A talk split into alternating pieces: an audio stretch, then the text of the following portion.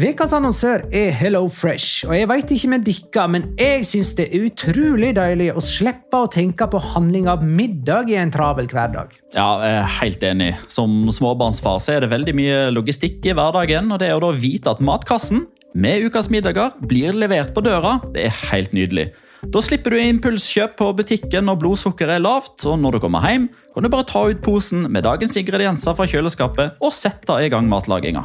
Ja, du kan velge mellom 25 ulike retter hver uke.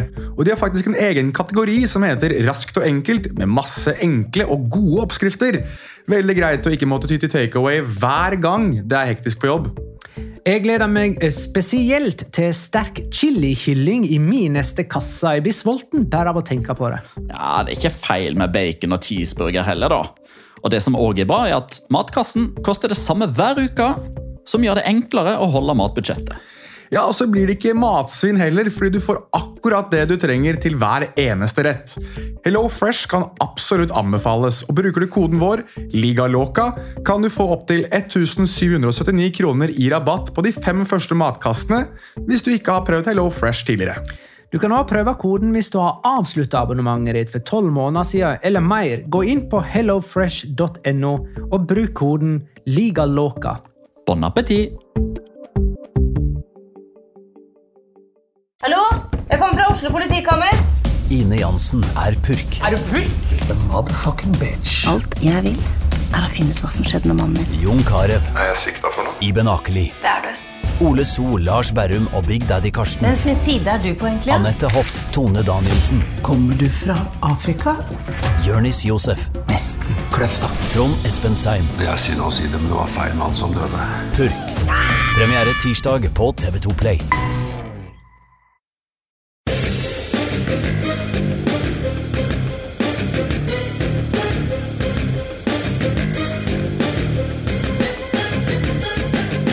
Har du sett? En ny La Liga-sesong er ferdig, og tradisjonen tru skal vi oppsummere de siste ni månedene og se på alle våre korrekte spådommer. For det tar nemlig mindre tid enn å gå igjennom alle våre feil. Vi hadde topp fire helt riktig. Takk for at du hørte på vår oppsummering av La Liga 2018-19. La Liga Loca. En litt gærnere fotball. ja, ja, dette er La Liga Loca episode 77. Eh, er det av ordinært slag? Det er vel det, ja. ja det er sesongoppsummering, eh, dette her, da. Og vi skal nok gå litt grundigere til verks enn det jeg har inntrykk av i introen. Jeg heter Magna Kvalvik, hei. Eh, og med meg har jeg Jonas Giæver, hei. Hallo, hallo. Og Petter Wæland, hei. Hallo. Går det bra? Ja. ja. Så bra. Skal vi begynne å snakke om helga først, ja. kanskje? Og så ta eh, sesongen eh, litt mer i sin helhet etterpå? Ja. God idé. God idé. Da har vi gjort unna redaksjonsmøtet. Valencia sikra fjerdeplass eh, denne helga. Getafe måtte altså nøye seg med femte. Ja Jo, jeg kan jo ta den kommentaren fra Johannes Alin. Grin gjerne en skvett for Chetaffe. Valencia eh, ødelagte først cupdrømmen til, til Chetaffe med skåring i tre minutter på overtid. I eh, Var det i kvartfinalen? I Copa del Rey. Og siden så tok de fjerdeplassen fra Chetaffe i eh, den nest siste spilleomgangen. Mm. Og holdt han ut, da. Valencia tok altså, var oppe på fjerdeplass for første gang denne sesongen i nest siste runde og gjorde jobben sjøl borte mot Valladolid. Mm. Så gråte, for Getafe, var det sånn det var? Jo. Nemlig. Real Betis og Kikki igjen skilte lag på tross av store kampprestasjoner denne sesongen, men dårlig sesong sånn all over. Eh, det betyr at eh, Kiki Setien avslutta sin trening i eh, Real Betis med 2-0-seier på Santiago Bernabeu. Han må være den eneste treneren som har vunnet på Santiago Bernabeu, Camp Nou og San Siro i samme sesong, og så fått sparken på slutten av sesongen? Han er den eneste som har vunnet på Camp Nou, Santiago Bernabeu og San Siro i samme, I sesong. samme sesong. Punktum. ja, riktig. Ja. Ja. Og attpåtil! Og attpåtil så fikk han fyken. Ja. ja. Han, var, han, er jo den første Real Betis-treneren som tar skalpen til Real Madrid på Santiago Bernabeu to år på rad siden mm. 34 og 35. Ja. Altså 19, 34 og 35. Attpåtil at uten å slippe inn mål. Eh, det går, svirrer noe via realrykte der. Dessuten, i det hele tatt, Anders Abrahamsen spør er det korrekt av Betis å tenke at det er tilgjengelige trenere der ute som kan gjøre en bedre jobb med denne troppen, og hvis ja, hvem er i så fall det? Det er sånn på eh, Jeg holdt på å si på stående fot, men sitter, på sittende ræv så kommer ikke jeg på noen i farten som er ledige. Som bare sånn helt åpenbart er krystallklare. Altså, ja, Abelardo har eh, offisielt tredd fra i Alaves. Men da går du altså fra den ene ytterkanten til den andre ytterkanten. Det blir mm. som at du skal gå fra ytre høyre til ytre venstre, og eller motsatt i politikken. Så vidt jeg har fått med meg, så har jeg en tanke om at jeg skal prøve å videreføre eh, filosofien og liksom bygge videre på det imaget som Rehabetis har eh, fått, da. Ja, og jeg eh, ser at et par av lokalavisene i Sevilla eh, skriver at de er ute etter en nederlender. Eh, og igjen da litt sånn i eh, et sånn mini-ønske om å være mini-Barcelona. Eh, fordi Setien har jo spilt eh, mer Barcelona-fotball denne sesongen enn Barcelona sjøl har gjort, og vi kjenner den historiske eh, linja Nederland, eh, Spania, Barcelona, Ajax eh, spesielt. Og det er Filip Cocu, visstnok, som er den treneren de har sett for seg kan være mannen som, som, drar dette videre. Og da er man for meg inne på et vanvittig sjansespill. Det kan sikkert bli kjempebra. Det kan på en makssesong bli fjerdeplass, femteplass, sjetteplass. Det kan ende med nedrykk. Du gnei deg bra i hendene da jeg nevnte Villarreal, Det gjorde jeg. Som eh, Men, eh, neste eh, mulige destinasjon fikk ja, ikke sett igjen. Det hadde vært utrolig moro. For da har man Eh, i alle fall løst det som var problemet for Kikiset igjen denne sesongen, med tanke på hva han mangla for å utøve sin spillestil til det fulle. En spiss? Gerard Moreno, Carl Toko Ekambi. Litt usikker på om Carlos Bacca blir med videre. Der kommer det kanskje inn en ny en. Uh, og der har man spillemateriell. Der har man en midtbane som kan spille den type fotballen som han ønsker. Det eneste som er en mismatch, det er jo Ramiro Funes Morde ja. og Alvaro Gonzales som liksom skal drive og spille seg ut bakfra.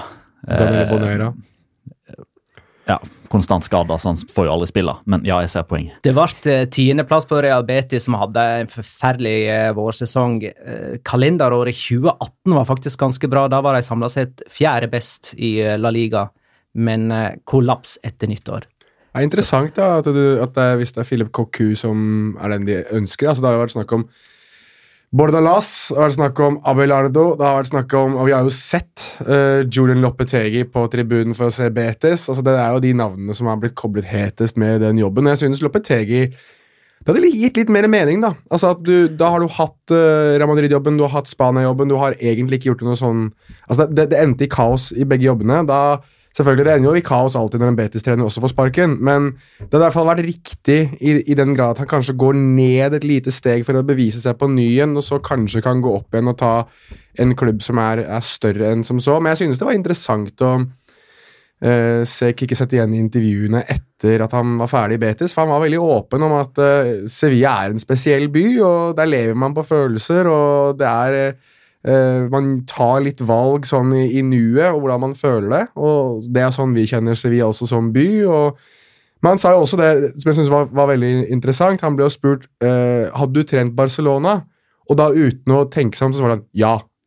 Og så ble han spurt etterpå kunne du tenkt deg å trene Sevilla. Nei! Med en eneste gang. men det er òg litt interessant, bare i forlengelsen av det kort. Um, for han er jo fra nord. Han er jo fra ja. Cantabria. Ja, ja.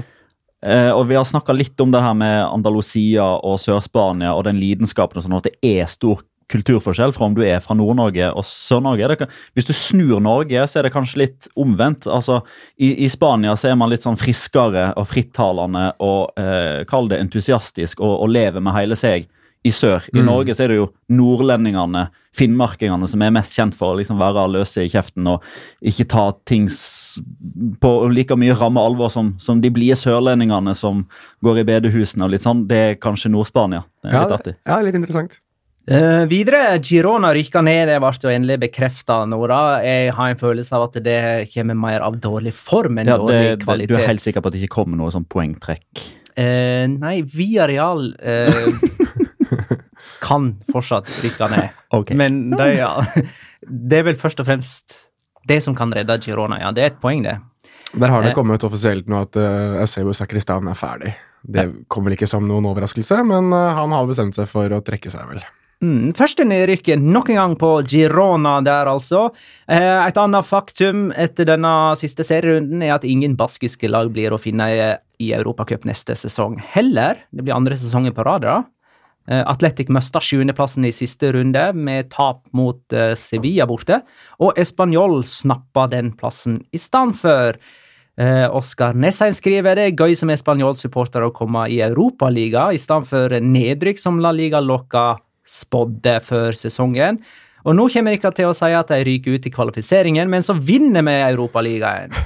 Og skal vi like godt ha den positive jinxen? Ja. Det, jepp, de ryker ut i kvalifiseringen. De har ikke noe erfaring fra europacupspill på en 12-13 år eller noe sånt. Så. Ryker det mot albanske Skenderbau? Ja, enten, enten, Skenderbau eller Salgeris eller Nei, Skontoriga eller noe sånt. Det kan ikke være Skenderbau, for de er vel eh, utestengt i sånn ti år fra alle ja, europeiske turneringer. Ja, sånn, ja. tror jeg de som er det. Ja. Så er det Salgris, eller noe sånt. Nå, som, det er et, eh, et, lag kun Pål Thomas Clay og Morten Galaasen har hørt om. Ja, riktig. Uh, ellers ingen farvelseremoni for Gareth Bale. Han kom aldri innpå eh, for Real Madrid mot eh, Real Betis. Uh, I stedet for så ble det en slags seremoni i dag, mandag, for Tony Cross, som forlenga kontrakten med Real Madrid til 2023. Tydelig signal om at han uh, fortsetter å spille en viktig rolle. Ja, og, og, at han okay. har vunnet kampen internt mot Luka Modric. Ja, det kan du òg si. Men nå er jo Luka Modric 33. Mm. Uh, eh, Tony Cross er vel fortsatt 29, ja, så det er jo noen det. år der, da. Uh, men eh, Gareth Bale uh, altså, altså, jeg mener, Han har vært med å vinne fire Champions League på sine seks sesonger. Han har skåra i to Champions League-finaler, han skåra to mål i fjor. Det ene på brassespark. Skåra det legendariske målet i Copa del Rey-finalen, var det i 2014, mot Barcelona? Og han ja, løper rundt på, eh, Bartra? Eh, på eh, Mestalla. Altså, det var... Fortjener ikke han lite grann det, den fyren? Jeg hørte for øvrig eh, da Spiker las Han leser jo først opp laget, og så leser han opp benken. Mm. Eh, og da var det booing på Gareth Bale. Men Real Madrid de er jo flinke på avskjeder, da. De har jo en eh der, var jeg ironisk. Vi har jo en, av, en, en avskjedshistorikk som ikke ja, Det er vel litt sånn både òg, men uh, Ike Casillas sin var jo ikke verdig heller. Nei, ikke Raoul sin heller. Nei, kanskje ikke. Nei, så det er vel Kanskje han føyer seg inn i et veldig godt ja, men selskap. Cristiano Ronaldo fikk jo aldri noe avskjed, fordi det var jo ikke klart at han skulle noe sted når Real Madrid spilte sin siste kamp. Det er jo ikke klart at Bale skal noe sted per nå heller. Nei, men alle tar det for gitt. Ja, åpenbart. Men har, du, har dere lest det som Fernando Burgos i, i Er det eh, Onda Ondacero, er det ikke det han jobber? Han har jo sagt at visstnok så skal Bale ha sagt visstnok Jeg, jeg synes det her er søkt ja, det Ja, jeg synes ja, det, det søkt ut. Nei, det er mange sitat som svirrer her nå. Vi skal virkelig ta ja, med ja, det er Veldig mange sitater som Zidane liksom skal ha sagt på pressekonferansen etterpå, som jeg kun har uh, fått tilsendt av de som leser engelske medier. Blant annet at hvis han hadde hatt et fjerde bytte, så hadde ikke det vært Gareth Bale heller. Det her er på spansk, og det er jo fra Radio Stadio, så jeg Bale-sitatet du Ja, mm. jeg, altså jeg vet ikke om det stemmer. Jeg vil ta all mulig forbehold, men hvis han har sagt det Jeg har tre år igjen av kontrakten. Dersom jeg ønsker at jeg skal dra, så får det betale meg 17 millioner, 17 millioner nett hver eneste sesong. Eh, og hvis ikke, så blir jeg. Og hvis jeg, trenger, og hvis jeg må spille golf, så spiller jeg. Ja, sant. Hvis jeg ikke han spiller for Real Madrid, så er det greit. Jeg kan alltid spille golf. Ikke det, det? Typ, ja. ja. Ja, Nei, men eh, det Jeg syns det høres veldig søkt ut. og veldig... Også, men at det, at, det, ikke er harmonisk der, det er jo greit nok, da. Men det, det samsvarer jo med den eh, den eh, den føljetongen som Marka har hatt hele veien. da. Med at Zidane ønsker han bort, Madrid ønsker å selge, men Gareth Bale har ikke tenkt seg noe sted. Ja. Det har jo vært uh, den casen som Marka har kjørt hele veien. Mm. Ja, og Så nevnte du for øvrig at det er offisielt at Abelardo forlater Alaves. Mm. Eh, og så la jo Undiano Majenko dommerfløyta si på hylla. I alle fall La Liga-dommerfløyta si. Han skal ha Copa de Rey-finalen til helga. Bruker han ei annen fløyte da? Ja. Oh, ja. Den er rød. Cupfløyta? Den røde cupfløyta. Ja. Nei, men hva er det? 348 La Liga-kamper har han fra år 2000, altså 90 18 år har han dømt på toppnivå. Mm. Eh, han starta som 26-åring på det øverste nivået. Eh, og det, jeg syns rett og slett det var litt rørende å se han eh, gå av banen. Han virker jo som en eh, veldig sympatisk fyr, selv om jeg ikke kjenner han. og så var det snille, gode Isko som fikk det siste gule kortet han delte ut. Ja.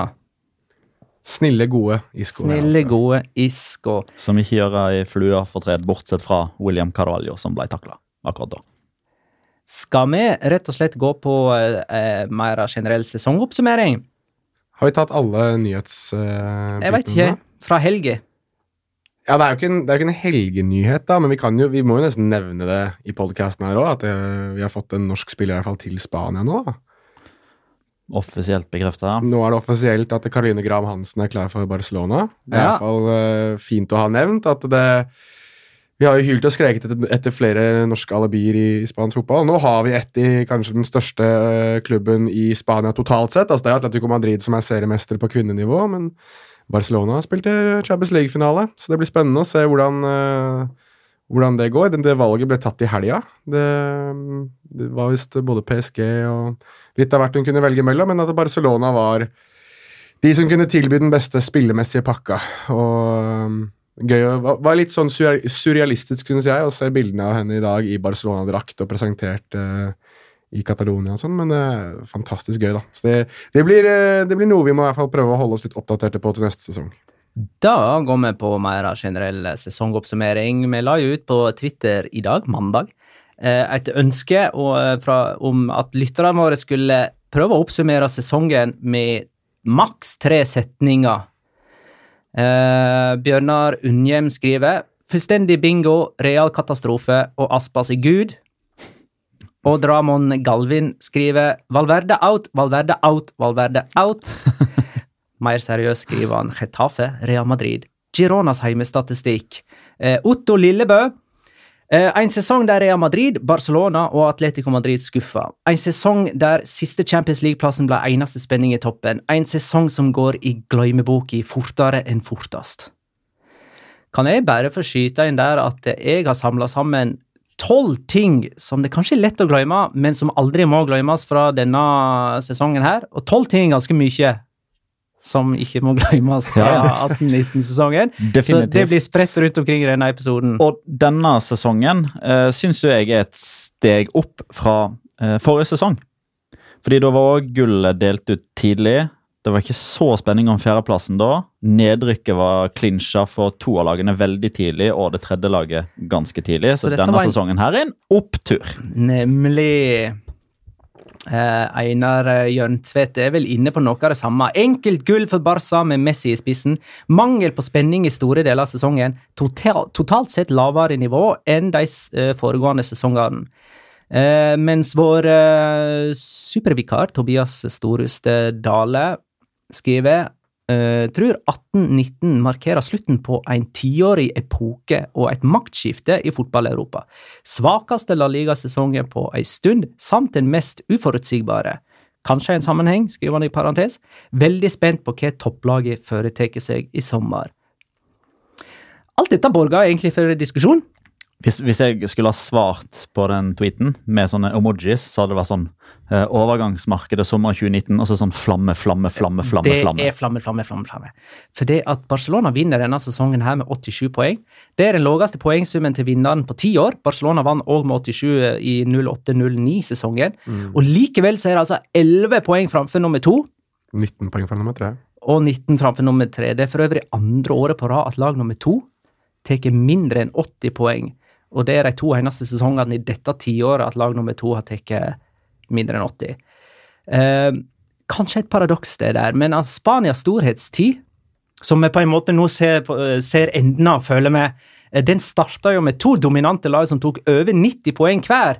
Nå tar ingen 90 poeng, og i Premier League så har to lag over 90 poeng, og engelske lag tapetserer finalearenaen i mm. Europacupen. Er det en sammenheng der, eller? Ja, det kan det så definitivt gjøre. Vi har jo hatt den diskusjonen fram og tilbake. Vi hadde den helt i, i, begynnelsen, husker jeg. Og da var det jo fortsatt sånn at eh, de spanske lagene var suverene både i hjemlig serie og ute i Europa. Da hadde vi den Er det bra å ha lokomotiv som dundrer videre og resten er sjanseløse? Eh, og så brakte vi diskusjonen til torgs igjen eh, nå på høsten, når både Real Madrid, Atletico Madrid og Eh, Barcelona avga poeng, og Alaves eh, kunne ta over tabelltoppen, og Español var nummer to. Eller er det bedre å ha et, sånn, et kobbel? Det viser seg jo nå, eh, hvis man, hvis, man, ser en sammenheng mellom poengsum i ligaen og hvordan man gjør det i Europa. Samtidig så er det jo verdt å nevne at de to siste sesongene så har det vært samme ligavinner i alle topp fem-ligaer Eh, ligaen i Europa. Ja, det er første gangen i historien. Og ingen av dem har spilt Champions League-finale i samme tidsrom. Nei. Så det er nødvendigvis ikke sånn at er du best i hjemlig liga, så er du best i Europa. Og det er sikkert derfor òg at eh, ingen av de, eh, eller bortsett fra Pep Guardiola, så virker det som ingen av de trenerne der sitter trygt. Eh, Tuchel kan forsvinne fra PSG. Mm. Allegri. Allegri. er ute av Juventus. Mm. Kovac det er spørsmålstegn ved han nå i Bayern. Hash, og hashtag Valverde out, Valverde out, Valverde out. Ja, der ser du. Ja, men det virker jo sånn, for eksempel Når eh, Manchester City tar alle trofeer i, i, England, så virker det jo som de andre store engelske lagene plutselig ser en stor verdi i å vinne Europaligaen. At uh, det er der muligheten deres ligger for å ta et trofé. ikke sant? Når du har sånne her storklubber, eller sånn overlegne klubber, som, som feier bordet eh, nasjonalt. Og sånn var det litt i Spania. og ja. Atletico Madrid eh, i begynnelsen av dette tiåret, og Sevilla ikke minst, så det som den eneste muligheten til å ta trofé. Ja, ja. Eh, og det å kalle det et stort trofé i tillegg. Ja, ja, definitivt. Og det er òg veldig interessant, syns jeg med det utgangspunktet jeg har, og eh, håper jeg det, de 10-15 årene jeg har jobba aktivt med spansk fotball Premier League-sesongen 2018-2019 ligner veldig sånn i grove trekk, på ganske mange La Liga-sesonger de siste mm. 10-12 årene. Med to lokomotiv, enorm avstand mellom topp og bunn, lag som tar Europaligaen på alvor, rent bord i Europa. Når det har skjedd i Spania før, så er det veldig mange som sånn, så kjedelig. Åh, det er tolagsliga. Ja. Jeg, jeg er spent på om, om, om den eh, Hva skal jeg si Om, om det stempelet havner på den engelske ligaen òg, hvis det fortsetter. Ikke på dette året, i alle fall. I think not. Ja, for så, hvis det blir en, eh, en gjentagende trend, så kanskje. Men ikke i år har det skjedd. Nei. Uh, men, men, det skal jo heller ikke skje på, på, på ett års grunnlag. Det må skje over lengre ja, tid for at man kan uh, si sånt. Men jeg har jo en følelse, i, for å holde oss til Spania, da, at det er ingen topplag som egentlig er fornøyd med denne sesongen. Uh, bortsett fra sånne som har sleget ut ja, Valencia har jo blitt fornøyd til slutt, føler jeg. Jo, men de, de, kan ikke tillate seg å være for fornøyde heller, for det at de tar altså den fjerdeplassen med 61 poeng. Jeg kan ta og sitere Bendik Diesen. Jeg syns fjerdeplassen hadde veldig lite poeng i år. Sjekka litt bakover, fant ut at 61 poeng ville ha holdt til fjerdeplass kun to sesonger siden 98-99. Malaga er den ene, ikke det? Jo, ja. Eh, det er vel Ja, og så er det én til sesongen der Celta Vigo lurer på, tok 61 òg. Ja. Eh, og han mener jo da, eller insinuerer i alle fall, at det er noe med nivået på laget under topp tre. Eh, og jeg vil jo hevde at når Valencia hadde en så svak høst, så var det muligheter som åpna seg for Sevilla, for Atletic, for Real Betis, Real Sociedad. Ingen tok de mulighetene, og dermed så er Valencia eh, laget som griper det til slutt, med hell og lykke, og ikke nødvendigvis kvalitet. For man kan godt si at det har vært bra den siste halvdelen, men totalt sett så er jo ikke dette Syns ikke jeg La Liga-sesongen deres er bra. Nei, det er ikke det. Så da står vi med et misfornøyd eh, Barcelona, sånn delvis. Ganske misfornøyd Atletico Madrid, der spillere nå forsvinner daglig. Mm. Real Madrid er eie soga. Valencia sånn med Vinner de Copa del Rey, da blir det tommel opp. Jo, men De har hatt en god sesong, men de må jo likevel ta faresignalet på alvor. Ja da, men det ene utelukker jo ikke det andre. Nei, nei, la oss håpe det for Valencia sin del. Og så kommer Chetaffe, som bare har overprestert, ikke sant? Det er det, det, er det ene. Eh, og så kommer Sevilla som eh, fiasko.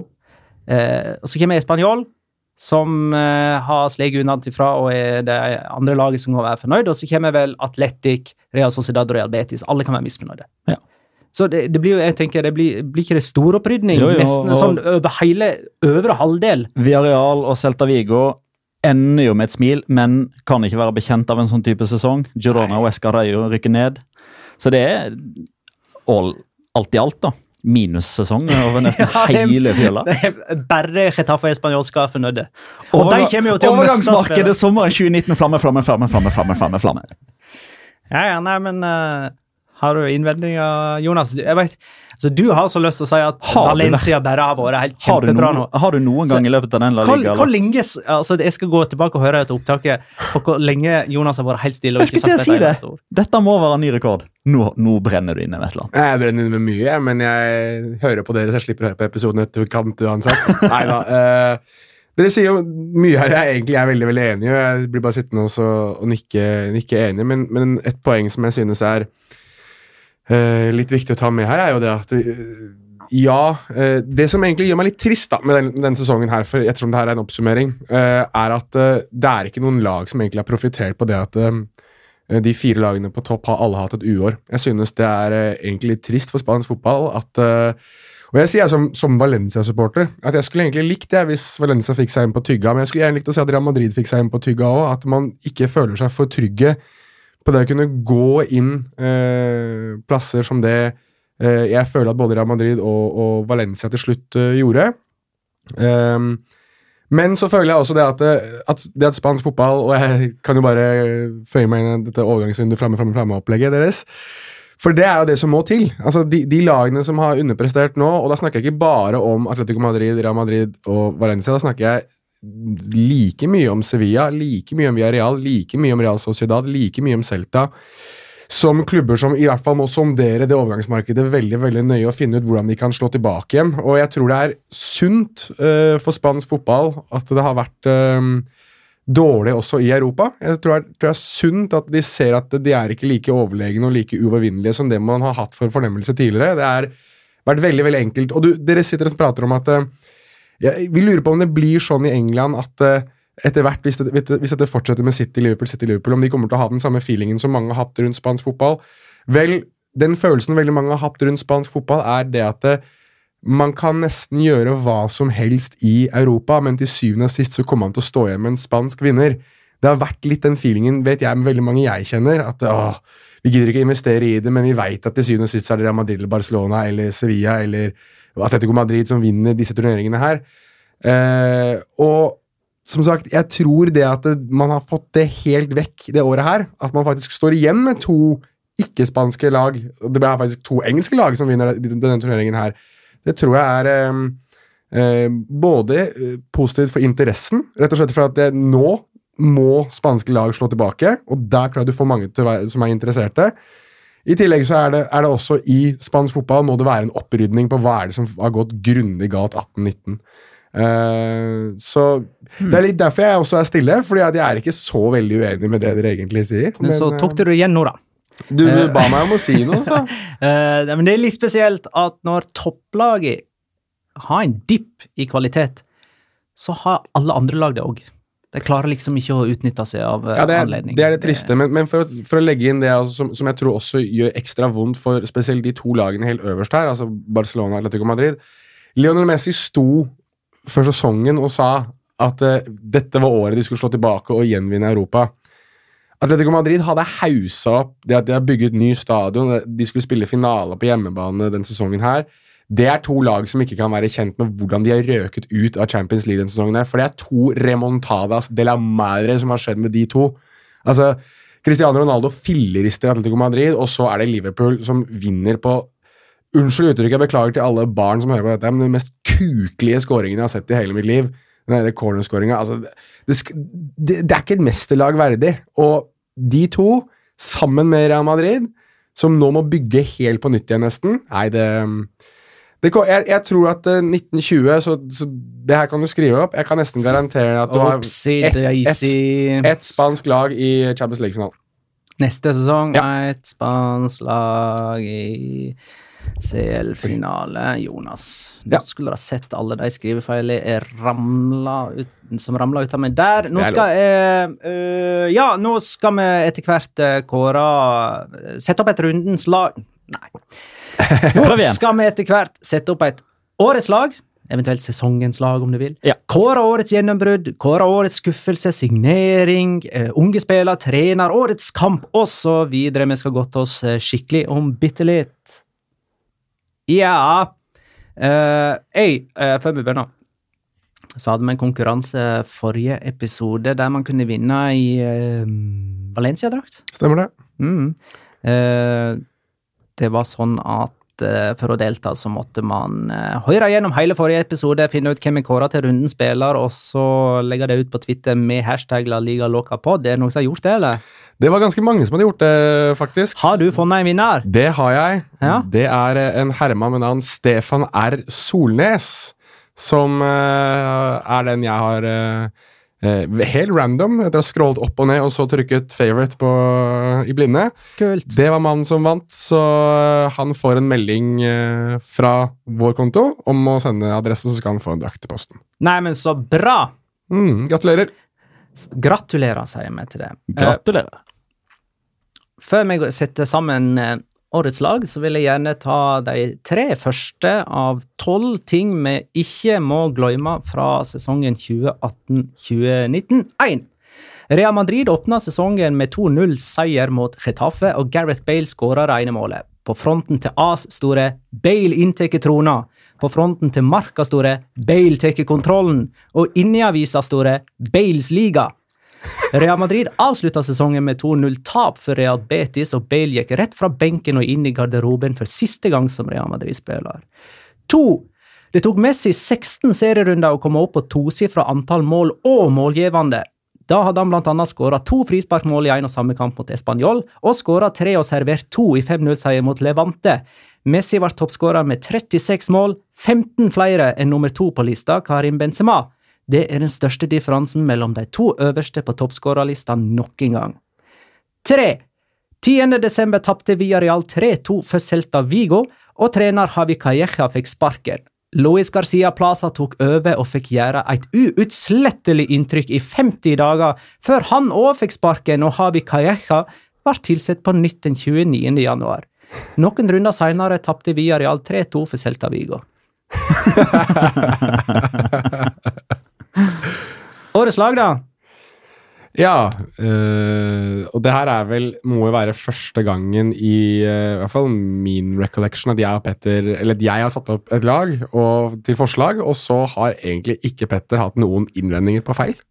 Nei, dette gikk veldig fort. Du uh, sendte inn et forslag på Messenger. Det er der vi har alle Jeg og Petter hadde ingen eh, innvendinger, og dermed så har vi et årets lag.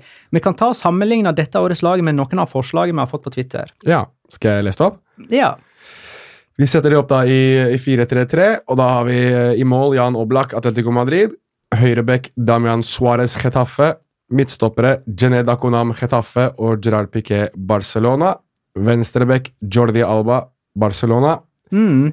Da har vi altså 50-50 eh, på Chetaffe og Barcelona. Mm. Og eh, keeper fra Atletico Madrid, og det er vel de tre lagene som har sluppet inn færrest mål? Ja, tre av fire. Nå har Valencia, tre, Valencia der nok, som, eh, som hadde 35 uh, baklengs. Og Oblak er jo den som slipper inn færrest mål fjerde sesongen på rad nå. Ja, og har altså da vunnet Samora-trofeet fire sesonger på rad. Flere ganger i løpet av denne sesongen kåra til verdens beste keeper her i La Liga Loca. Det er nok det som er gjevast for han.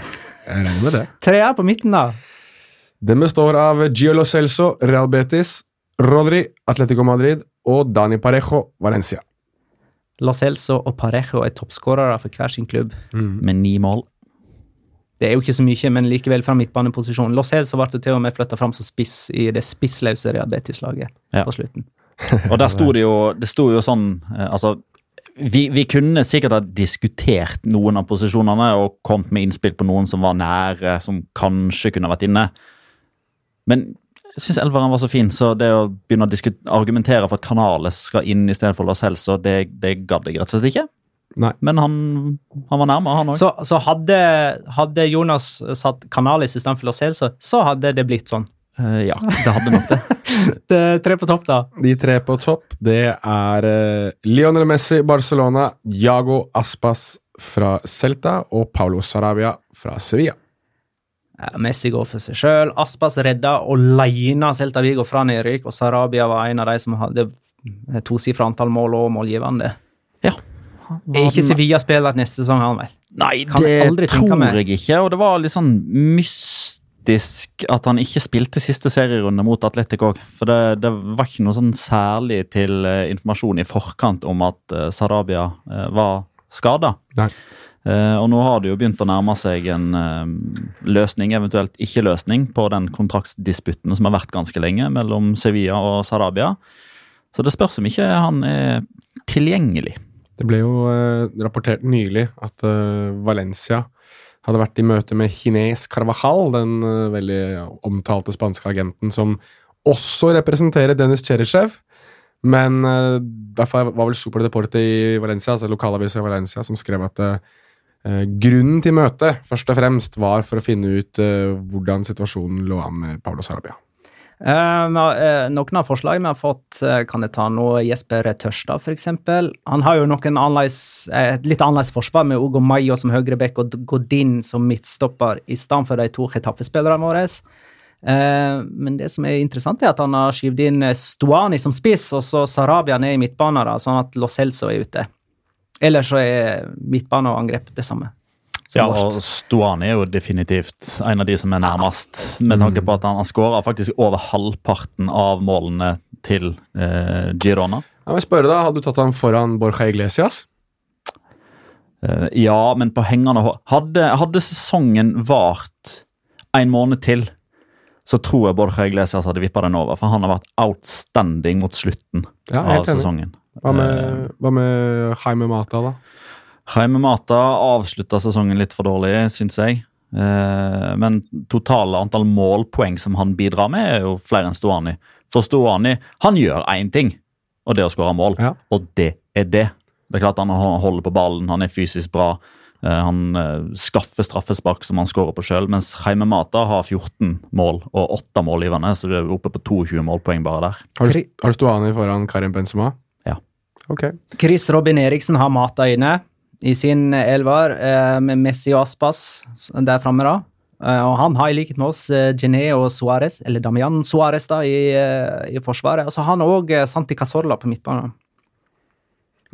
Ja, jeg, ja, Det er litt sånn kjærlighet. Det er mulig Chris Robin Eriksen har tippa hvem vi kommer til å sette opp Eh, for eh, det ser ut som ja. litt sånn La Loca kjæledigger. Casola har vært bra, og det må vi jo òg nevne nå. Han er tilbake på landslaget. Mm, ja. Santi Casola mm. er tilbake på landslaget. Hvem hadde trodd det etter de tre foregående årene han har hatt?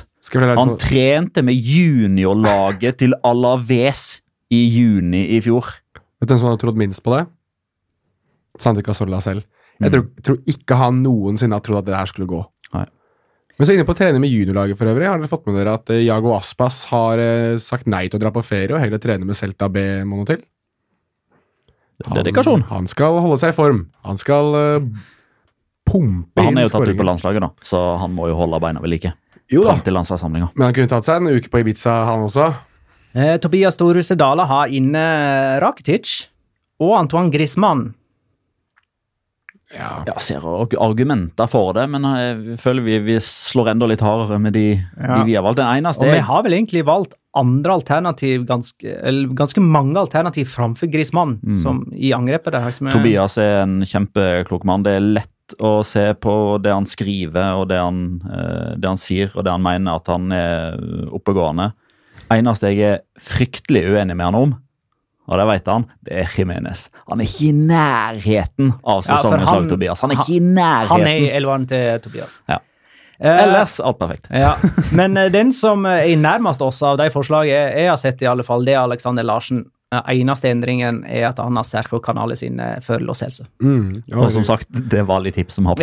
Veldig close. Men, men jeg, jeg, synes at vi må nesten, iallfall nevne Johnny på, på mm. venstre Johnny Rodriguez. Eh. Alaves. Ja, fordi der eh, Da jeg skulle sette opp mitt mm, tips, da, eller det, det jeg ventet at dere skulle sløyfe som bare rakkeren, da, hadde da, satt jeg lenge og vurderte skal jeg skrive Alba eller skal jeg skrive Johnny, og til slutt så sa jeg nei, vet du hva du må nesten huske hvor man legger lista for de to. da. Altså, Greit nok at lista til Alba er mye mye høyere enn den du har for Johnny, og Alba har uh, nådd den lista vel så det. Johnny har bare hoppet langt over den han hadde.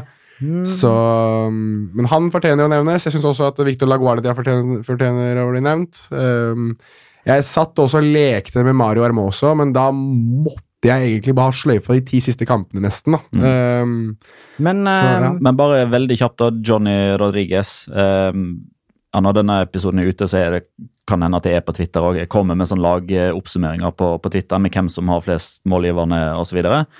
Eh, det er den desidert største forskjellen internt i en klubb.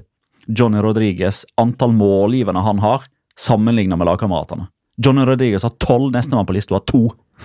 Altså, hadde det ikke vært for han, hadde det ikke vært for han, så hadde Abelardo Fernandes fortsatt i Alaves. For da hadde ikke Abelade Fernandes vært så attraktiv på markedet. Der må Griezmann være ganske nær en stor differanse på antall skåringer internt i eh, laget. Og han har i alle fall Er ikke han 14, mens Morata er nummer eh, med 6, eller noe? Ja, 14, ja 15-6. Ja. Så der er det en forskjell på 9. Ellers er jo Messi, og Messi det mest største. Sånn eh, vi har ikke satt sammen noe flopplag, men det har Alexander Larsen gjort. Okay. Skal, skal, jeg ta det kjapt? Ja. I mål Courtois. Høyre Høyreback Piccini, Venstre venstreback Marcelo, midtstoppere Godin og Varan. Ah, jeg syns ikke Godin skal være der. Og, ja, det er strengt eh, med begge ja, Godin og jeg. Godin syns jeg er strenge. Ja. Eh, på kanter Lemar og Ascencio. Ja. Sentralt Modric og Cotinho. Dette er en 4-4-2. Ja, den, er grei, syns jeg. Og spissa Bale og Diego Costa. Ja, nei, jeg ser ikke noe. Jeg ser hvor man kommer fra. Det var veldig topptungt, dette her, med tanke på hva lag de representerer. Ja, ja. Men naturligvis, der er jo forventningene, der er forventningene størst, og veien til floppstempel er kortest. Mm. Ok, vi skal Vi runder av den, og så kårer vi diverse av eh, årets etter at jeg har tatt de neste tre punktene på lista mi. Nummer fire. Kampen mellom Rayo Vallecano og Atletic Klubb skulle spilles i tredje runde, men ble utsatt pga. utrygge tribuner på Vallecas. Men etter at sju arbeidere hadde gjennomført en grundig kontroll med synkron hopping langs den ene seteraden, ble tribunene erklært trygge, og kampen ble spilt halvannen måned senere. Punkt fem. Allerede etter sju runder av sesongen hadde alle lag vunnet, tapt og spilt uavgjort. Det eneste, eneste som mangla før den sjuende runden, var en Valencia-seier, som altså kom i den sjuende runden. Seks. En drøy måned før kampen mellom Girona og Barcelona skulle spilles i januar, var det fremdeles uvisst om den kampen skulle spilles i Girona eller i Miami. Kampen ble spilt i Girona. Mm. Skal vi begynne mer sånn individuell kåring med årets gjennombrudd? Det kan vi godt gjøre.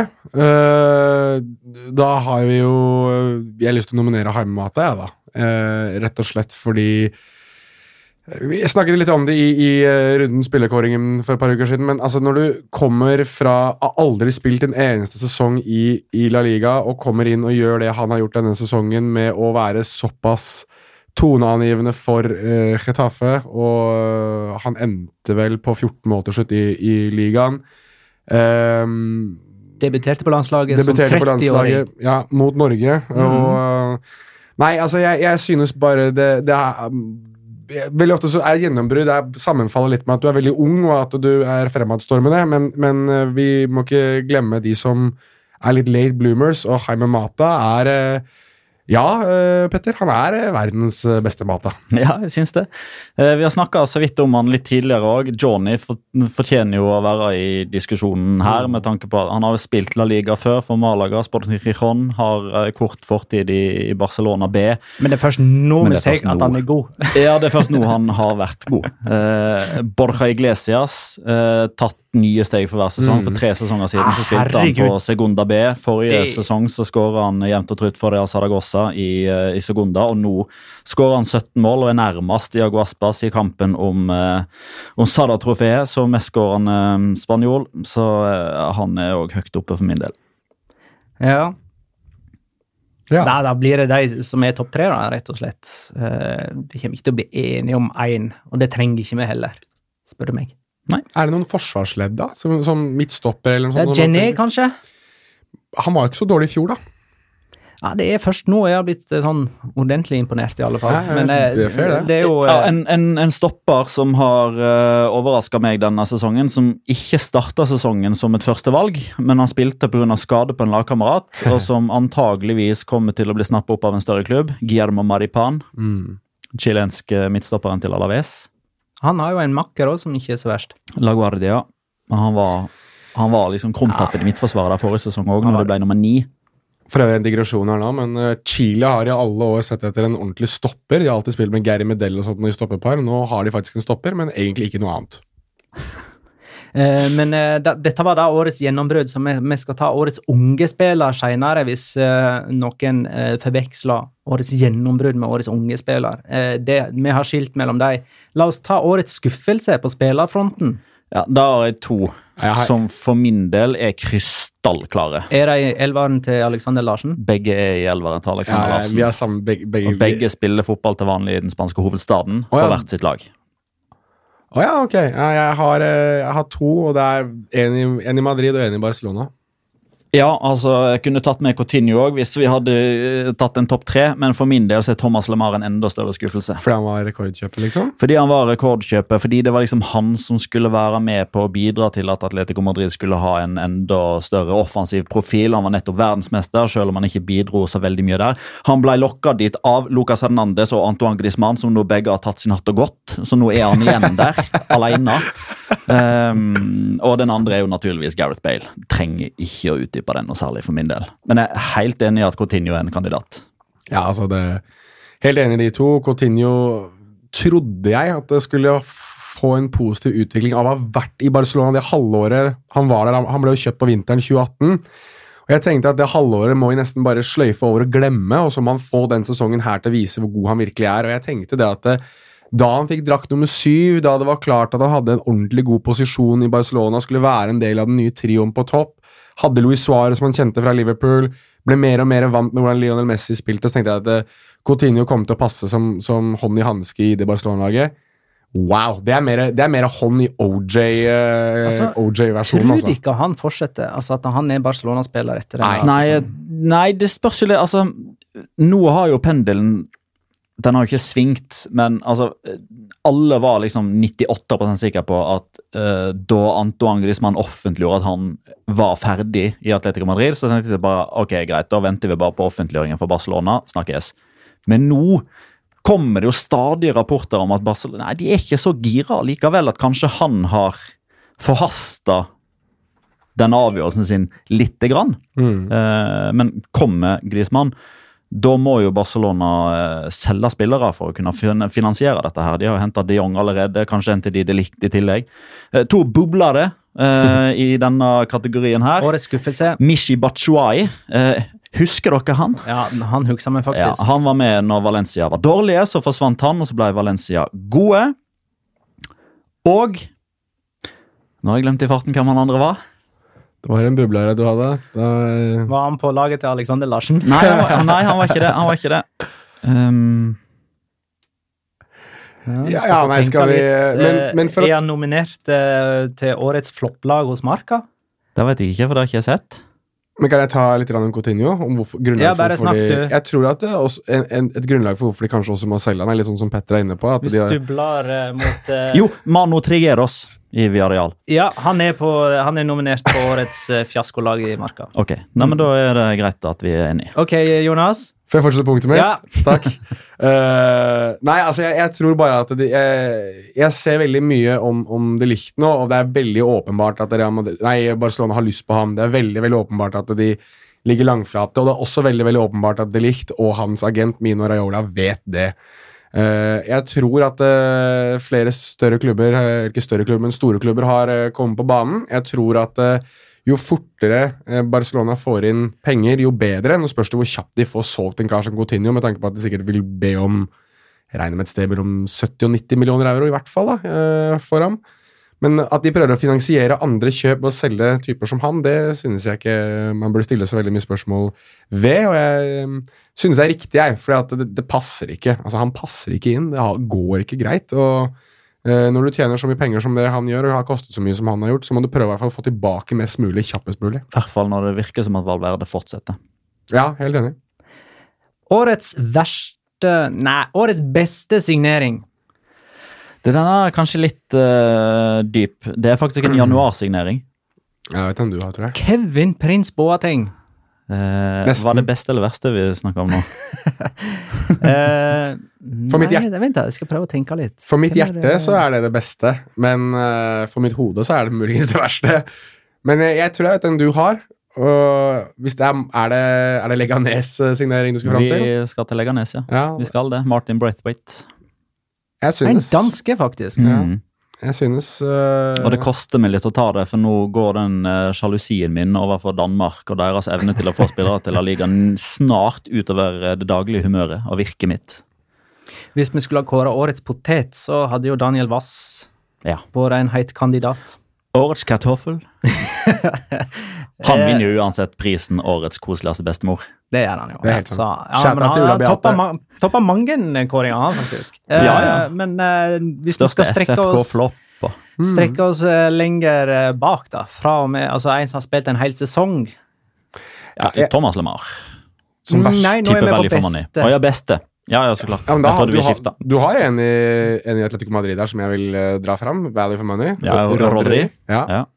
Jeg synes, eh, og nå, nå, ser det også ut til at han forsvinner på utkjøpsklausulen. så det er jo... Ja, og det er, jo, eh, det er en profitt der, er ikke det? Ganske stor. Ja, ja fra stor. 25 til 70. Mm. Altså, jeg tenker, Mye av det som går ut av eh, Atletico Madrid, får de jo ingenting for. Altså Sånn Godin, Filipe mm. Luis, Juan Fran. Og Da er det jo greit at sånne som Grismann og, og Rodri ja. gjør opp for Lucas Hernandez. Lucas Hernandez. 250 for de tre. Uh, Giovanni Lo Celso syns jeg er en ja, eh, kandidat her. Det var Nå, først lån, og så ble det kjøpt til slutt. Ja, således så vet man jo ikke ennå om det er value for money, fordi Nei. det er jo først kommende sesong at de mm. har brukt penger mm. på han. Så den er egentlig en parentes, den. Ja, men jeg er enig. Det er et veldig godt Jo, men altså, eh, effekten på denne sesongen her er jo ubestridelig uansett, da. Mm. Ja. Så god signering, liksom. Ja, og så altså, Heimemata kom gratis. Uh, ja, og kvitterer ut 14 pluss 8 mm. med tanke på uh, målpoeng. Ja. Plutselig så har vi topp eh, Nå har vi fire. Ja. ja. Det går ikke.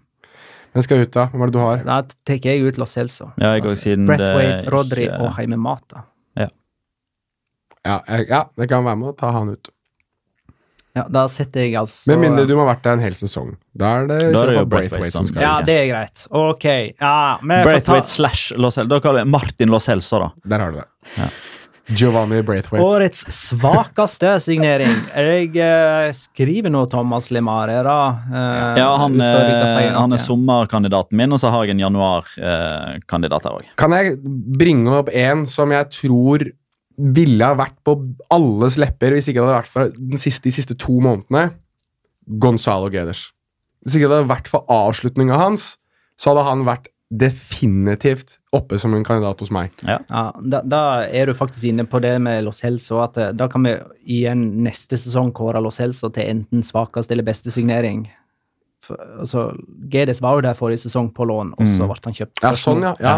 Jo. For så vidt. Men eh, de var, for, det var først nå de fikk signert ham permanent. Da. Ja, jeg vet. Men, eh, og brukt mye på. penger på han. Ja. Han var vel rekordkjøpet deres, så, ja, så jeg mener eh, men, men altså, han visker jo det ut med, med den, de siste to månedene han har levert, så, så han forsvinner jo litt. Men jeg vil iallfall at han skal nevnes. At det, det var med nød og neppe at ikke han kom med der. Men Thomas LeMar, Coutinho, åpenbart. Uh, Tibo Courtois synes... Coutinho er ikke i denne sesongen. Nei, Coutinho blir ikke denne sesongen. Beklager. Eh, men Courtois Jeg syns ikke det har vært noen eh, suksess. Mm. Jeg syns det har eh, men, men, hvis vi skal inn på, hvis skal inn på Tony Smori, da. Hvor fornøyd er vi med han? Kan han ha vært der to sesonger nå? Nei, han har bare vært der én sesong. Ja, det virker som de to. Brukte det. ja, det, det har vært en lang sesong. Ja. brukte jo ikke så veldig mye. altså Åpenbart en av de som ikke har slått til, men samtidig så har han jo spilt nesten alt.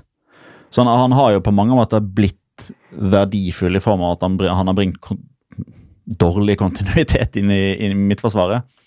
Min kandidat, da, fra januar eh, Litt pga. overgangssummen, eh, men òg pga. så mye jeg gleder meg til å se han basert på det jeg hørte om han fra andre. Diego Laines, Betis. Ja, han får mer tid av meg, altså. Du, men, kjenner, men, men, men vi var eh, veldig på Diego Lines i starten med at det skulle være eh, kjempegøy. Og, og jeg, greit nok, jeg hadde sett han litt i Mexico, jeg òg. Ikke så mye som jeg kanskje burde ha sett før jeg eh, haussa han opp, men eh, han hadde en veldig god start, men så var det at duppen hans, altså nedadkurven, gikk så jævlig fort ned. Ja, men, og eh, har vært der siden. Men skal du, men skal du ha en som eh, jeg var sikker på at Nå kom han gratis, da, men som jeg var sikker på at det skulle være bra. Takashi Nui. Den ja. var så skuffende, altså. Mm. Greit nok at det var gratis, men der gikk du fra hero til zero veldig, veldig fort. Ja. Mariano Diaz ja, Sandro Ramires. Sandro Ramires har jo vært lån. Eh, men... Uansett hvor Sandro har signert de siste par årene, så har det vært drit dårlig uansett, for utenom i Malaga. Jeg tror ikke han har skåra mål på snart to år. Jeg. Nei, men jeg tror ikke du bommer. Jeg. jeg tror du er oppriktig her. Han, han skårer ikke et eneste mål for det jeg har så til denne sesongen. Jeg tror han spilte noe sånt som 1500 minutter eller noe sånt. Ja, um. vi, vi, går videre. Vi han her, hadde for Jo, apropos sånn herre eh, det, det, er greit at han, han, kommer nok ikke til å være med på den Locora-lista di pga. at det er bare sånn et enkelt tilfelle. Men den bomben han hadde hjemme mot Sevilla, når det ser ut som at det er noen på tribunen som mm. står og kaster ut eh, eh, eh, eh fiskesnøre og hekter tak i foten hans Stemmer det. altså, Google it, altså. Årets unge spiller. jeg har to som jeg kommer på med en gang. Og ja, jeg har tre. Vil du kjøre? Ja, jeg kan ta det det som ligger mitt hjerte nærmest, da. Ja, jeg, Samuel Chukwes Ja, jeg har han. Det en av mine. Høyrekant, frisk, uredd. Eh, ingen visste om han før eh, sesongen starta, bortsett fra de som eh, følger med på Viareal B. Det er det jo ikke så veldig mange som gjør. Eh, og nå snakkes det om at han kan fort bli det dyreste salget gjennom tidene dersom han har et godt Afrikamesterskap for eh, Nigeria. Og Så er det en på motsatt side fra et annet kontinent som du kanskje har med. Venicius. Ja, det er han andre jeg har, så da har du begge mye med Ja.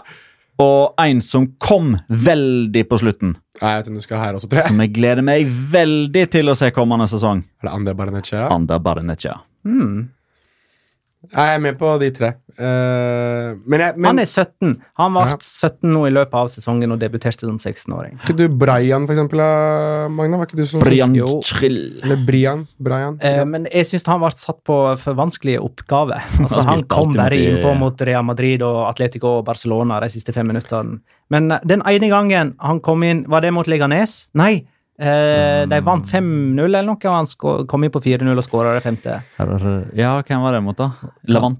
Ja, Levante nei, kan nei, det være. det var ikke Leganes. Altså. jo, det var, nei, eh, ja, de vant 5-0 mot Levante òg, men det var ikke den kampen. De kjørte i hvert fall over et eller Ja, ja. Jeg husker jeg Var det Alaves, eller? Nei. Nei, det husker jeg ikke. Men, eh, men før vi for akkurat nå veit jeg at eh, Hans Christian Lange og Christer Robin Eriksen og Magnus Garung alle sammen sitter og hyler inn i uh, mikrofonen på handsfree sin. Ferran Torres må jo i hvert fall nevnes her, da. Ja. Uh, for han, så må det òg nevne sånn, apropos noe om vi gleder oss til å se i årene framover. Kanjin Lee. Ja, helt enig. Men, eh, men eh, Pedro Porro for uh, Girona. Men la meg ta en uh, For jeg synes jo det er like gøy å erte deg hver eneste gang for deg, uh, Petter. Men du må være enig nå at Venicius Junior det, det var bra kjøp av Real Madrid. Han er imot konseptet, og, men spilleren liker han. Men, og så går vi videre til Vi vil ikke ha en diskusjon på det. Nei, vi har hatt han før. Nei, Årets trener Det er jo enstemmig. Ja, det er jo José Borda, José Bordalas. Ja. Alternativ der kunne vært sånn som Rubi. Mm. Det var min nummer to. Mm. Mm. Og om ikke Alaves hadde rakna så voldsomt. Så. Altså hadde Abelardo vært i, mm. i diskusjonen òg. Men eh, Bordala, som altså fører Chetaffe opp på en femteplass denne sesongen Og Hadde sesongen vart litt lenger, så hadde kanskje Gaiska Garitano kunnet meldt seg på. Ja. Hadde han fått rett og slett jobben fra start av istedenfor Berizzo, så kanskje. kanskje. Sergio i Real Valladolid. Ja, da er vi på en fin, fortjent femteplass. Ja. Årets kamp. Ja, der var vi også ganske enstemmige, egentlig. Ja, det...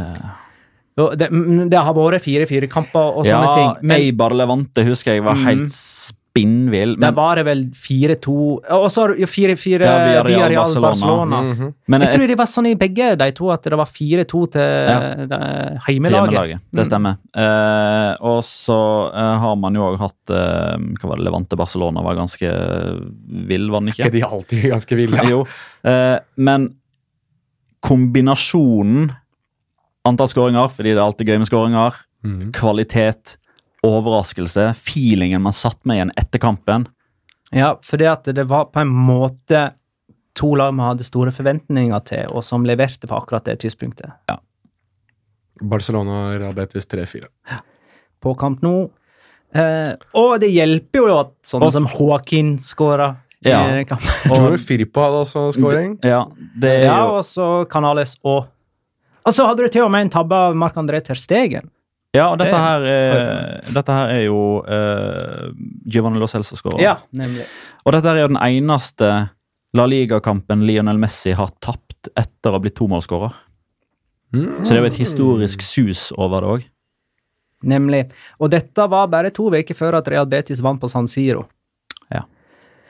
Eh, en vanvittig periode på høsten for Real Betis. Årets skuffelse på mer generelt grunnlag. Nå er jeg ikke vi ute etter en spiller, men mer sånn overall.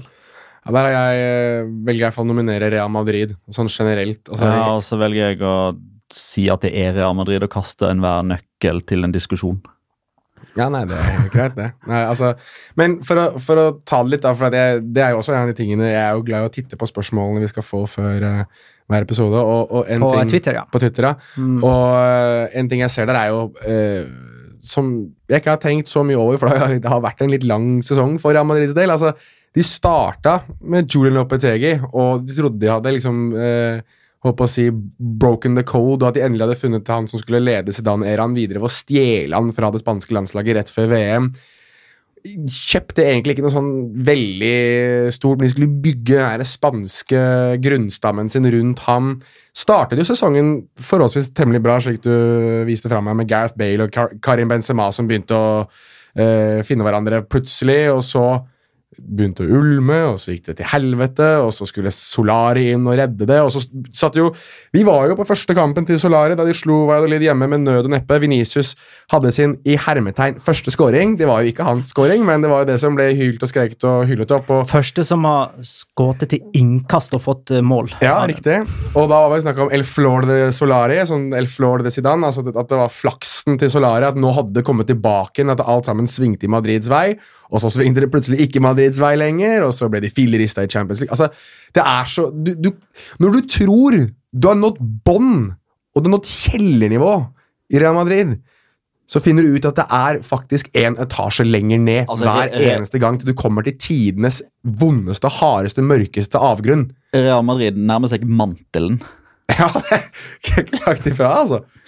Altså, 11 tap i La Liga, 18 tap i alle turneringer denne sesongen som regjerende trippelmester i Champions League. De har tatt færre poeng enn hva de noen gang har gjort siden 2001-2002. Mm.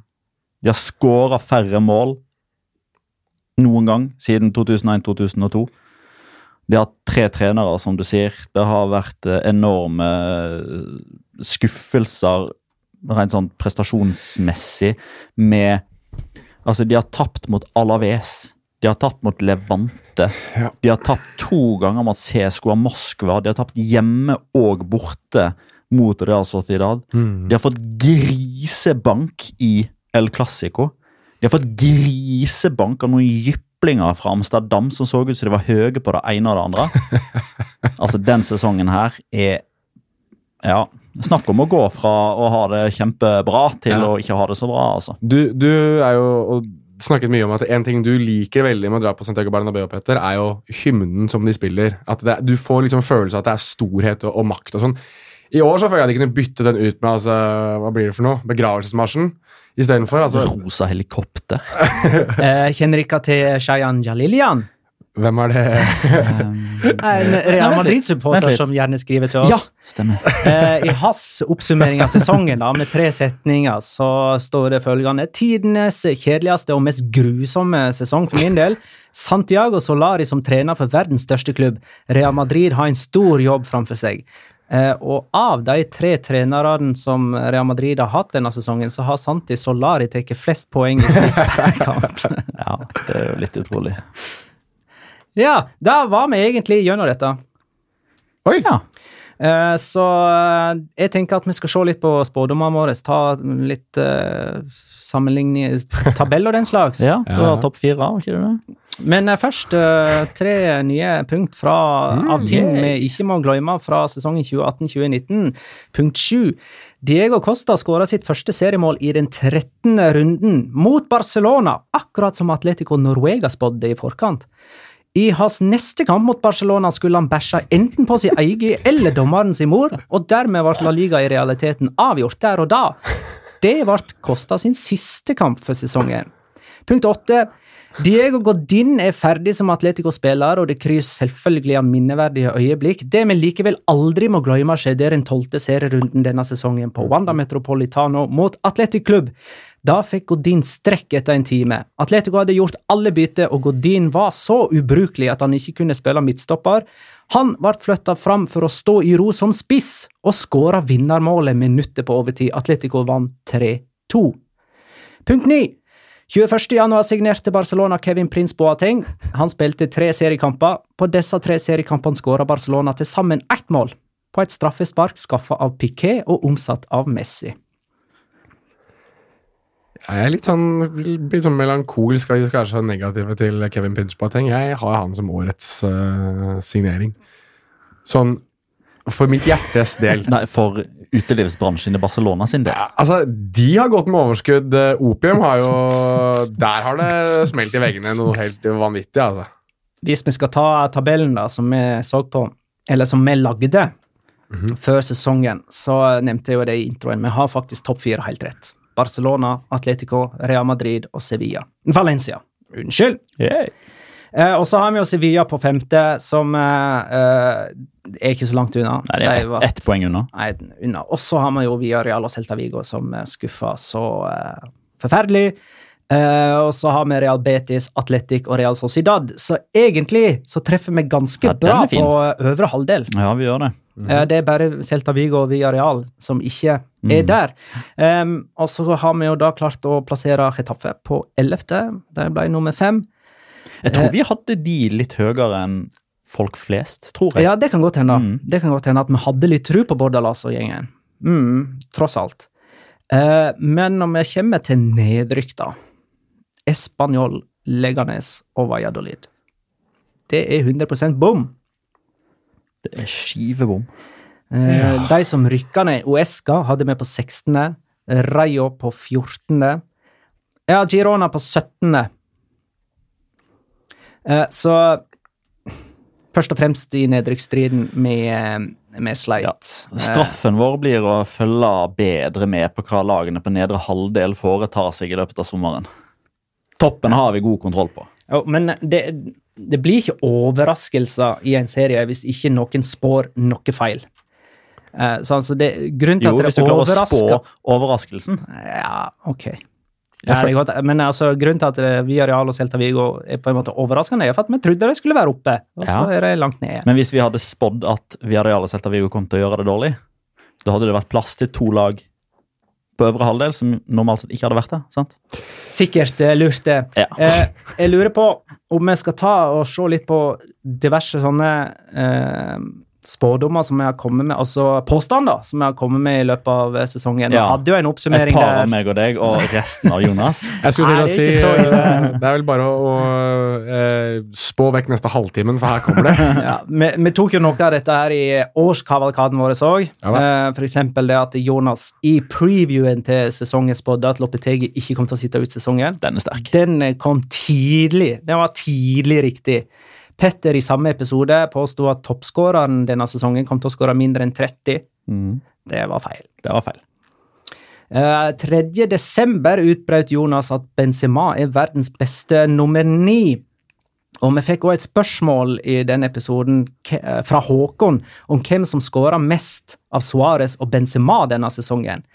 Jeg og Petter svarer Suárez, mens Jonas svarer Benzema. Og fikk rett. Og fikk rett, for han hadde jo en vanvittig viktig sluttspurt mens eh, Suárez ble skada og greier. Og så kan jo ikke vi gjøre sånn som alle andre gjør, og bare gi skåringer til Luis Suárez. sånn som Marca og La Liga har gjort. Nei, ja, vi kan ikke det. Uh, I episode nummer 52 står det her, dette var i november, fikk vi spørsmål Er Sevilla med i tittelkampen når tre runder gjenstår. Oi.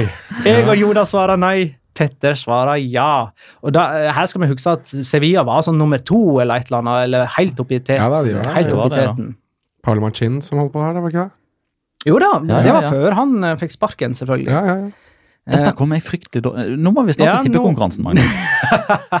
jeg husker én ting som hadde rett i hvert fall sånn noenlunde. Det var antall poeng på vinneren. Da tror jeg var, hadde lavest. Ja, den kommer òg etter hvert. Jeg må først bare berømme Jonas, som eh, i løpet av desember, før eh, Champions League-åttedelsfinalen eh, ble spilt, sa at Real Madrid kommer ikke til å vinne Champions League denne sesongen. Det, lå jo litt i kortet, med sparking av Loppetego og Santi ja, Solari som trener. Han sa, han sa det, og han sa òg at Ajax kommer til å slå ut Real Madrid, og det var spot on. 28. januar ble vi bedt om å spå poengsum på de tre øverste klubbene i årets La Liga. Kan, eh, har du tabellen framfor deg, Petter? Ja. Det, det, endte med 87 på Barcelona. 76 og, sek, og 68. Og 68. 87, 76 og 68. Ja. Mm. Jonas hadde 87, 83, 80. Jeg mm. hadde 93, 87, 81. Petter hadde 88, ett poeng fra på vinnerne. 84, 81 og 74. Så Petter var den eneste som spådde at tredjeplassen hadde mindre enn 80 poeng. Ja, fasit har jeg skrevet her. 87, 76, 78. 68. Jeg traff på vinneren da, i hvert fall. Gjorde det. Ja, ja. Jeg, jeg syns eh, dere var bra på vinneren. Altså, mm. Petter hadde 88, og det er bare ett poeng ifra. Uh, men uh, hele gjengen hadde større tro på poengsanking på topp tre generelt, altså. Mm. Jeg må ta med at eh, i februar så påstod Jonas at Celta Vigo rykker ned. Mm. Da hadde de nettopp tapt 4-1 for Levante hjemme. Det gjorde de altså ikke. Ikke langt ifra. Det var fire poeng unna. Og så er vi De siste spådommene jeg har, er fortsatt ikke oppfylt. Fernando Llorente, blant annet. Ja, altså hva som blir eh, Barcelonas rare kjøp denne sommeren etter Paulinho, Vidal og Prins. Der har vi Naingolan og Ribery eh, fra henholdsvis Jonas Petter, og så har Petter lagt på at Llorente, Fernando Llorente er spissmakken til Inyaki Williams neste sesong. Eh, en annen ting vi har blitt bedt om, som jeg ennå ikke kan svare på, er om Pogba blir Real Madrid-spiller innen 1.9. Der jeg har sagt ja, Petter og Jonas nei. Så det, så det konklusjonen her er at av alle de rare spådommene jeg har hatt i løpet av sesongen, så har jeg faktisk truffet på så å si hver eneste en. Det er jo så å si hver eneste Med unntak av Celta Vigo, så har jeg truffet på nesten alle spådommene som er. Så Hashtag, hashtag Jonas Stradamus er bare å begynne å få jeg tror, du, og jeg tror du òg hadde en sånn ting, ting, som at eh, Bale kommer ikke til å spille for Real Madrid neste sesong, som jeg ikke har ført opp fordi at det blir for åpenbart. Ja, Det er helt greit, det, men ta de du har ført opp, da. Det var ja, de har jeg nevnt. eneste jeg bomma på, er Celta Vigo. Du har vært litt sånn som eh, Valencia du, denne sesongen. På høsten så var du helt fryktelig, men på våren så har det vært bra.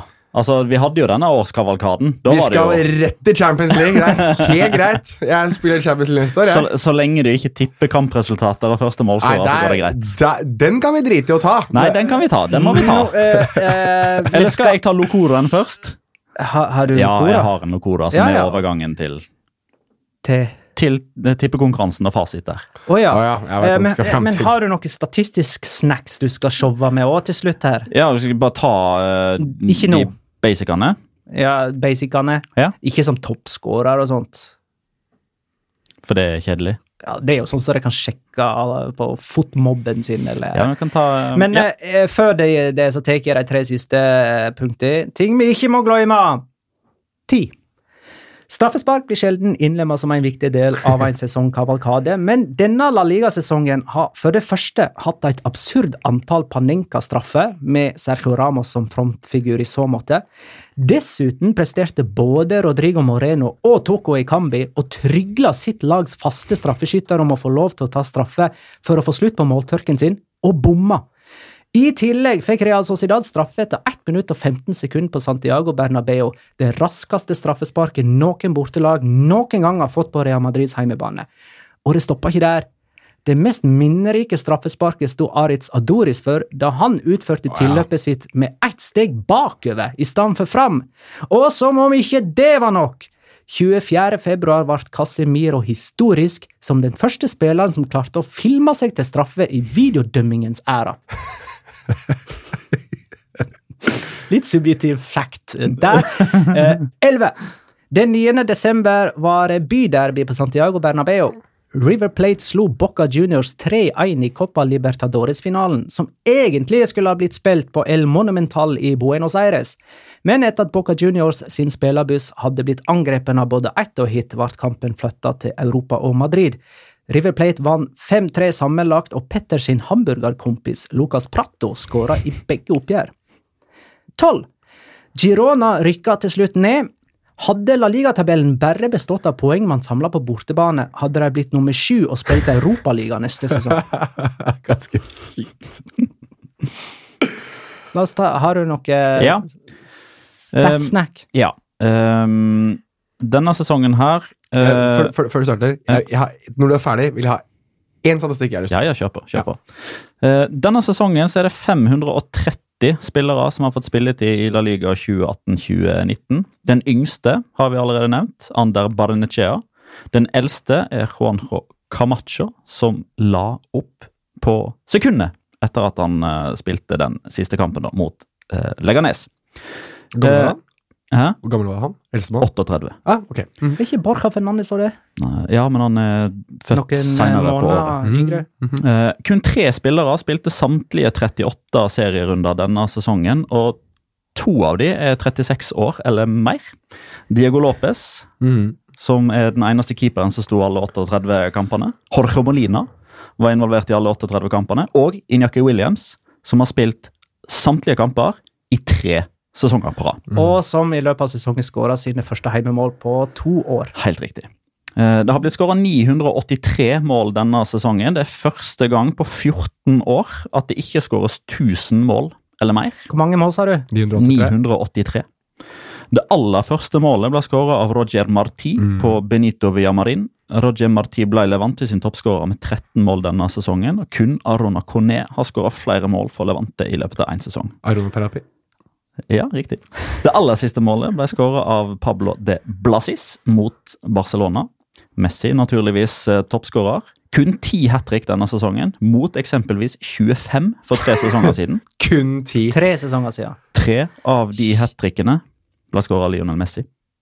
Denne sesongen, ja. Denne sesongen. Men av de 25 så var det jo en Cristiano Ronaldo òg, sikkert. Ja for, ja for, tre sesonger siden så ja. var Cristiano Ronaldo i La Liga. Det er helt riktig. Jo, men eh, altså, jeg mener Eh, en sammenheng, syns de, å se ja, ja. Eh, i drop av hat trick. Ja, og antall skåringer i La Liga generelt. For det er jo 40 mhm. mål ish som er borte der. uh, eh, Arit Sadoris ble den eldste målskåreren i La Liga denne sesongen med 37 år 314 dager.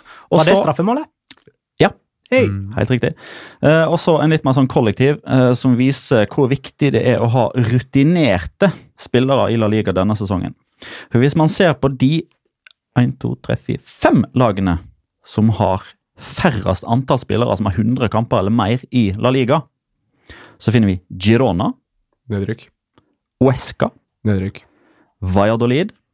Nesten Erik Celta. Nesten nedrykk. Og Levante. Nesten nedrykk. Ja. Og Raja Vallecano har kun én mer enn Celta Vigo. Nedrykk. Ja. Hmm. Så eh, tips til lag som føler at de er i nedrykksstriden i forkant av en sesong, eller hvis du rykker opp fra sekunder. Kjøp Kevin Prins Boateng og Paulinho og Ribery og Robben. og overbevis Juanjo Camacho om at han ikke skal legge opp. Og eh, Bentner. Borja Fernandes trenger ikke å legge opp. Eh, Niklas mm. Bentner har ikke 100 kamper eller mer i La Liga, Niklas eh, eller Magnar. Niklas, Mag Niklas Kvalvik. ja, vel på toppnivå. Magnar på toppnivå så har han det definitivt. Ja, men eh, jeg...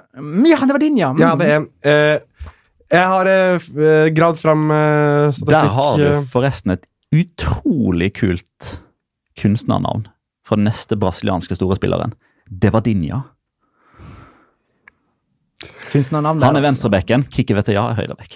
Å, oh, herregud. uh, ja, altså uh, På statistikken eh, mål, målgivende, skudd totalt, skudd på mål, sjanser skapt. Eh, sjanser skapt i åpent spill.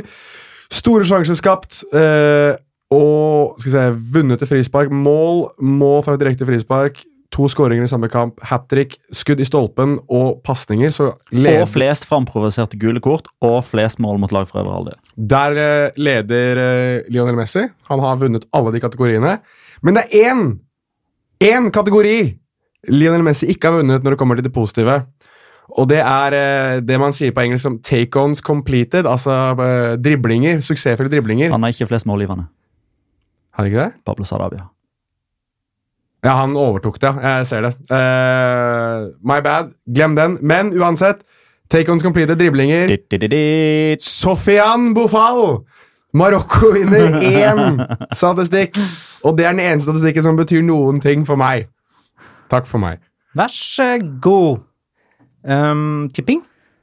Ja, yes please. Men eh, da må jeg ta lokoren min. Ja.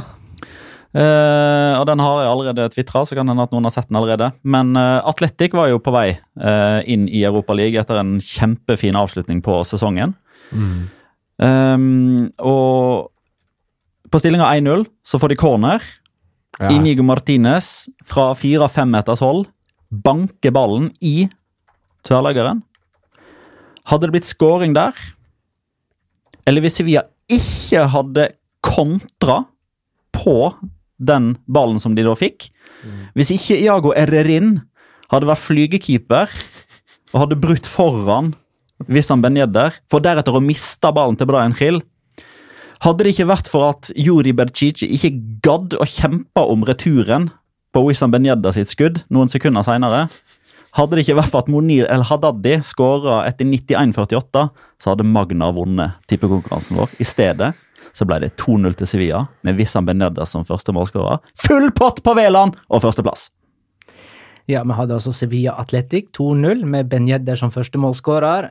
Jeg hadde 2-1 og Sarabia som første målskårer. Det gir ett poeng. Jeg er oppe på 28. Petter hadde 2-0 med Ben Jedder som førstemålsskårer. Det er liksom Det er endte gang at når jeg har sneket meg opp på førsteplass, så svarer Petter med en fempoenger og spretter opp på 31.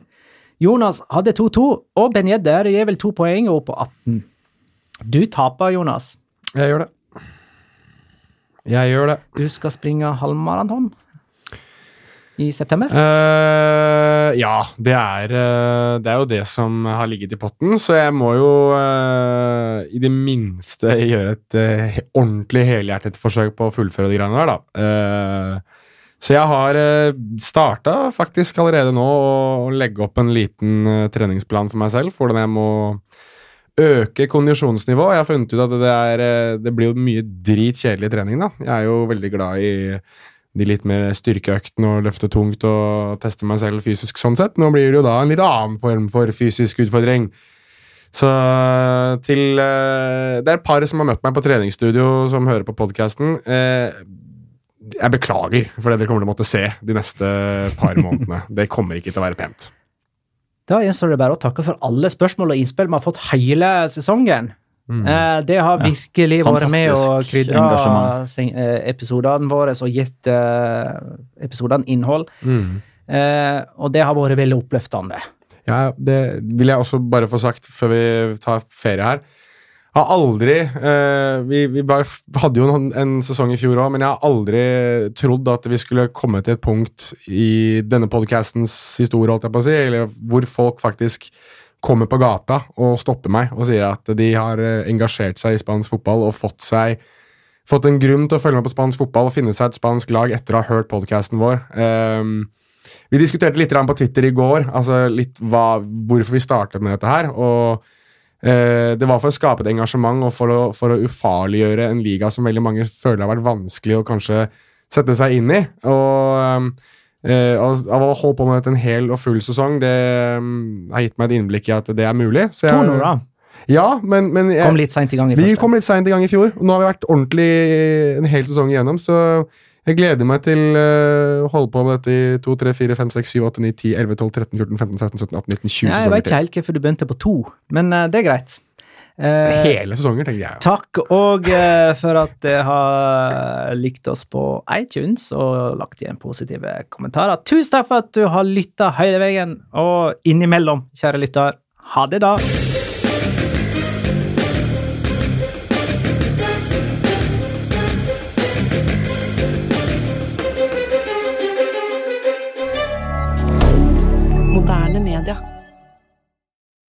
Har du et enkeltpersonforetak eller en liten bedrift? Da er du sikkert lei av å høre meg snakke om hvor enkelt det er med kvitteringer og bilag i fiken, så vi eh, gir oss her, vi. Fordi vi liker enkelt. Fiken superenkelt regnskap.